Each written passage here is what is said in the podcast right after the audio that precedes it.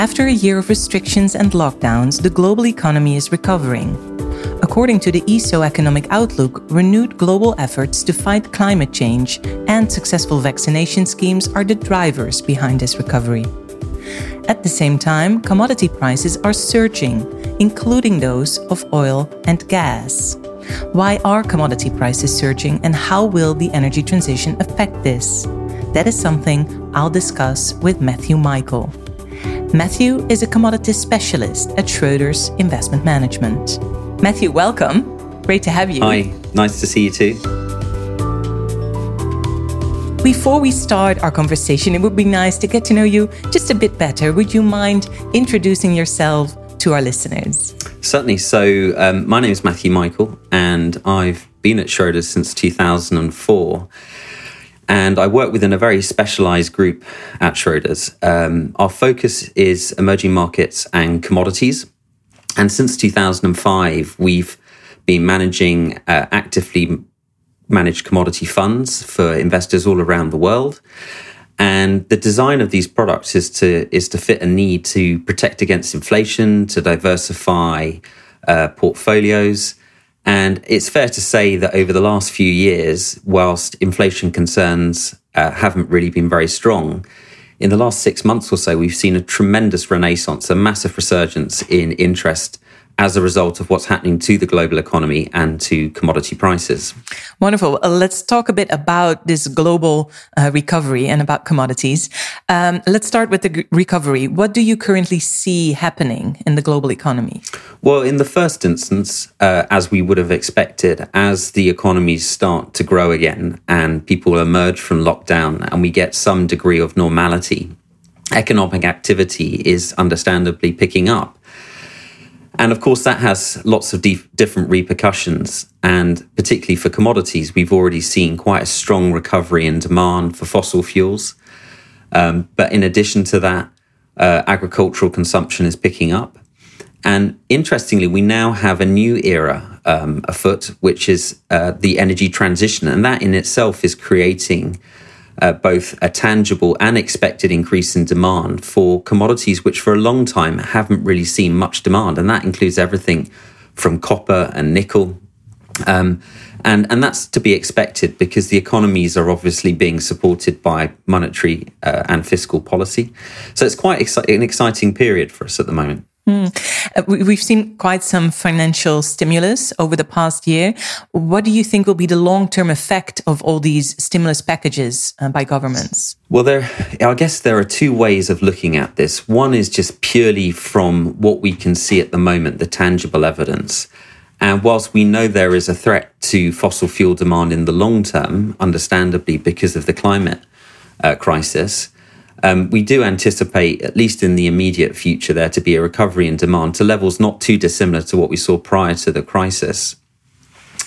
Um, and again, when we look at the overall picture for the asset class, um, we, we do genuinely feel that we are at an inflection point uh, because with the central bank policy as it currently stands, it's created a lot of liquidity uh, it's very cheap to borrow money, and there is an incentive either to spend or to invest.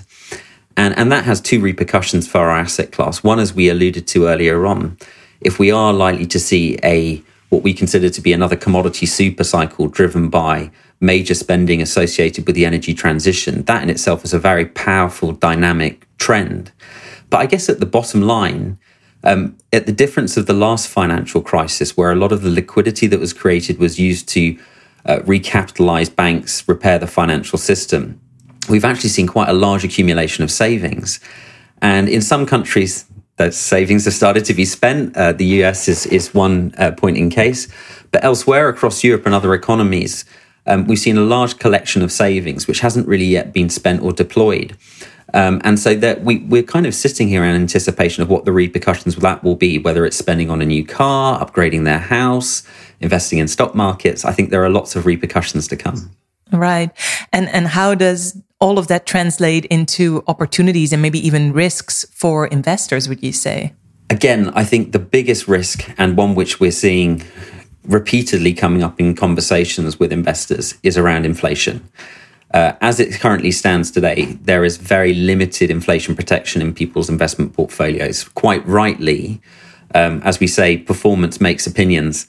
And uh, that's why there's still a heavy focus on some of the more traditional asset classes like fixed income and equities. But what people are beginning to realize is that bond yields are very, very low, particularly in the real sense. So after you've taken into account inflation, particularly as it's rising sharply now, it doesn't really appeal. And also, the, the level of positioning is very, very strong um, and heavy. And that's, again, to be expected given the strong performance that we've seen from these traditional asset classes over the years past. So I think that there's a bit of a reckoning coming where we're likely to see a necessary rebalancing as people start to look for value, they start to look for protection. Um, and that in itself has very strong implications, not just for commodities, but in particular things like gold. Now, gold historically has performed very, very well as inflation rises sharply, as central bank credibility comes into question, possibly where some currencies come under pressure because of the inflationary pressures and the disappointment from global investors about how monetary policy is managed. And we know that gold positioning is a fraction of what it was uh, 10, 15 years ago. Um, and there is the capacity there for huge amounts of money to be allocated to tangible assets like gold and silver. And so, again, from our point of view as commodity investors, uh, whilst gold has done very well, it's had a bit of a break for six or seven months. Understandably, it's competed with the likes of Bitcoin. Mm-hmm. Um, we genuinely believe that, as we saw between 2000 and 2008, as inflation rises, people will start to cycle around their portfolio, different parts of the asset allocation into these kinds of assets. Hmm. Let's talk a bit more, Matthew, about the drivers behind the commodity rally that we're seeing. Mm. Uh, which commodities are driving the growth, would you say, over the overall indices? Yeah, it's very, very clear which ones are likely to be winners and losers on a long term basis. I think longer term, certainly crude oil and, and the related markets will, will, will face a considerable challenge on the demand side, but equally on the supply side. So, first of all, on the demand side, at the moment, we we I say collectively the market forecasts around about a 1 million barrel a day drop in demand by 2025 as a direct result of electric vehicles. If you extrapolate that trend out towards 2030, 2040, you know, we're going to start to see anywhere between 6 to 7 million barrels a day less of demand hmm. uh, as a result of these vehicles. Um, now, that that's quite old in terms of forecasting because the landscape is changing quicker than we probably anticipated. Uh, there's a lot of policies and incentives that are being brought forward by governments, legislation banning the sale of new uh, diesel and petrol engines. Um, and so, probably those are quite conservative estimates. However, that said, in the short term, I'm sure we've all noticed that oil prices, petrol prices, diesel prices have been on the rise. And that's because obviously the market itself is relatively tight. It's controlled by OPEC Plus, along with some of the other major producers, the large integrated oil companies, the shale producers, countries in, in Africa. Um, and, and what's quite interesting for us at the moment is in the short term, even with today's prices, most producers are not changing their intentions to increase supply. And I think that's for two reasons. If you're looking at it at the major integrated oil companies, increasing amounts of what we call their capex, so their future spending and investment on production, is being channeled towards green projects. And then on the other side of the coin, some of the smaller producers, you know, they often have to borrow man- money in the capital markets or for banks. And certainly the people that lend the money want to see a return to profitability, a recovery in share price, possibly income. And as a result of that, there is very little incentive for them to increase supply at this moment in time. So, something like the oil market is fascinating because in the short term, the, the outlook is quite positive and it's been doing very well. Longer term, there's a clear threat. I guess in the agriculture space, that's where it's very, very bullish consistently across most markets because on the one hand, as a result of the COVID crisis, we've seen a return to food nationalism. Mm-hmm. Um, we've certainly seen a response where people are less, or countries are less willing to share what they have available. But as we have to remind ourselves every year, the global population is growing. Fortunately, incomes are rising. People's propensity to consume everything from grains, meals, and meats is increasing. And, you know, it's a really big challenge to meet that increasing demand. And also, of course, we have to counteract the shortfall in availability of water, fertilizers, arable land, soil degradation. And it's not to say that it can't be addressed, but the incentive for producers to manage crops properly, to store, to store the grains and also invest in fertilizer and new technology will only come when prices are high. And agricultural prices are too cheap at the moment, really, for us to see a change. Hmm. So there's a lot of exciting stuff happening in the commodity markets. And this year, actually, when we look across the spectrum of what's done well, possibly the worst performer has been gold. Right. So en- energy and metals and agriculture, excluding gold and silver, have done tremendously well. And it's all as a result of this tightness that we're seeing and rising demand. Yeah. But we think there's going to be a bit of a renaissance in the gold market now as we move through the the inflation numbers coming out. Mm. And and how would you say, Matthew, um, that will the energy transition affect the supply and demand on the global commodities market? I think it's going to be very disruptive. Mm. Um, I mean, in the first instance, we just have to really try and gauge what the impact will be relative to history. So, in the last kind of boom that we saw in commodity markets, that was primarily driven by China. And yes, it was at the time when supply was very constrained because prices had been low and there was a lack of investment. But we can probably estimate that between 2005 and 2020, there was about $25 trillion worth spent on infrastructure in China. Now, obviously, these are projections, but between 2016 and 2030, it's expected to be around about $95 trillion spent in emergency capex managing and tackling the climate crisis. So that should put into perspective just how big the energy transition could be. Hmm. And then, in addition to that, whilst China was one country, the climate crisis is being tackled as a global initiative. Hmm. And therefore, it's not just supported by one country, it's a coordinated effort by many governments and institutions and states across the world. And that in itself is incredibly powerful. And there will be hiccups, there will be disagreements, uh, but the picture, even if we are 50% right, that is an extraordinary amount of capital. Um, and of course, that investment requires materials copper, nickel, lead, natural gas, because when there are shortfalls in supply of energy derived from solar and wind, um, then natural gas is typically going to win in that scenario as well. Mm. investing in an oil company always a bit controversial, right? Uh, what would be your reasons to either invest in an oil company or not?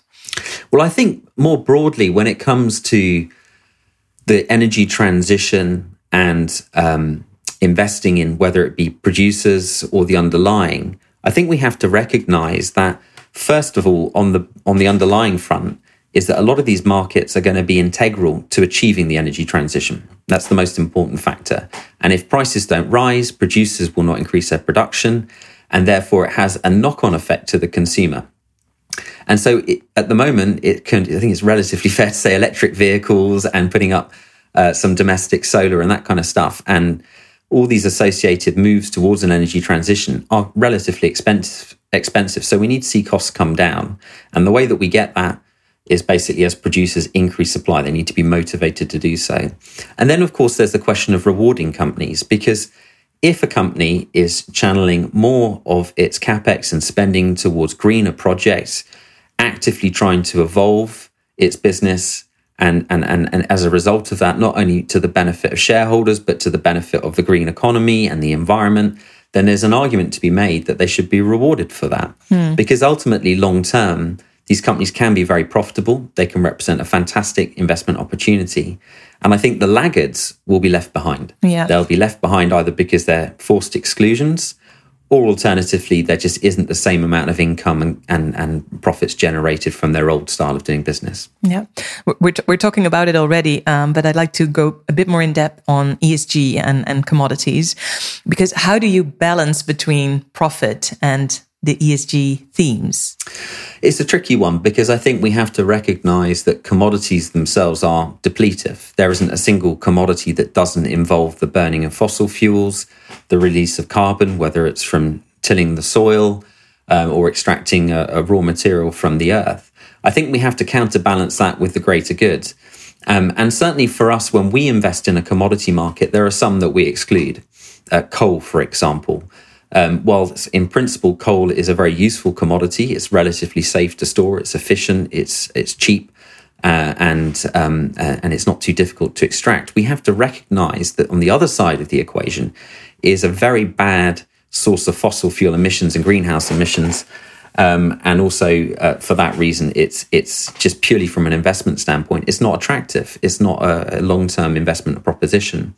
But again, if we look at something like copper, we can do a few things. First of all, when we invest in something like copper, we only buy uh, what we consider to be high quality contracts. So the London Metal Exchange, for example, when you buy a futures a futures contract on that market, the supply that backs that contract is fully accountable. Uh, we know exactly where it's come from. You can look at everything from uh, the health and safety of the mines where it's extracted, the the implications of its transportation and refining. Um, and I think that's probably the first step in a right direction. I think we, have got a long, long way to go. Mm-hmm. Um, in our business, we've gone as far as creating what we call an ESG score for each and every commodity in our investment universe.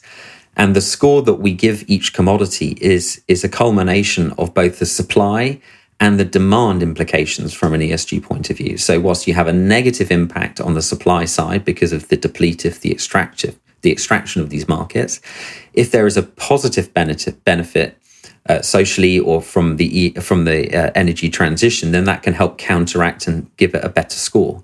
So again, sticking with the example of copper, our ESG score for copper is better uh, than the sector average, and the sector, of course, includes things uh, which aren't involved in the energy transition that score very badly. Mm. Maybe uh, as an example, could you talk us through your decision making process and maybe using an example of a company that you have in your portfolio when you do your selection? Well, I think probably uh, the gold miners uh, are a really interesting example because, on the one hand, um, they've had a very, very challenging 10 uh, year period. They've seen their share prices collapse along with the, the falling gold prices and they became a bit of a pariah. Um, but what we've actually started to see, not only has the the uh, all the elements of a good equity investment decision start to come to play, so there's better balance sheet management. The, the the the management is making good decisions, but they're also doing a lot. I mean, some of the mining companies in South Africa now are switching from burning fossil fuels to using solar to actually processing. Um, there's also a view that they can turn some of their heavy trucks into EVs um, because not only is it good and better for the environment and it addresses some of the sustainability question marks around their processing, um, but moreover, it's cheaper. So they actually save money. Uh, and therefore, it allows them to return money to shareholders far, far easier. So there are changes happening. Um, and I think the gold sector probably is actually doing incredibly well. And interestingly, some of that is in South Africa, which uh, again, where the sun is very bright, uh, and uh, yeah. because of the the cheapness of the solar, um, then that becomes a viable solution. So we are seeing changes. Positive. Thank you so much, uh, Matthew. It was a pleasure talking to you. Thank you very much. Take care. I'd like to thank my guest, Matthew Michael, for sharing his expertise and for attending today's podcast. This podcast was offered to you by Schroders Investment Management. For more podcasts, please check out the Fondsnieuws or Investment Officer website.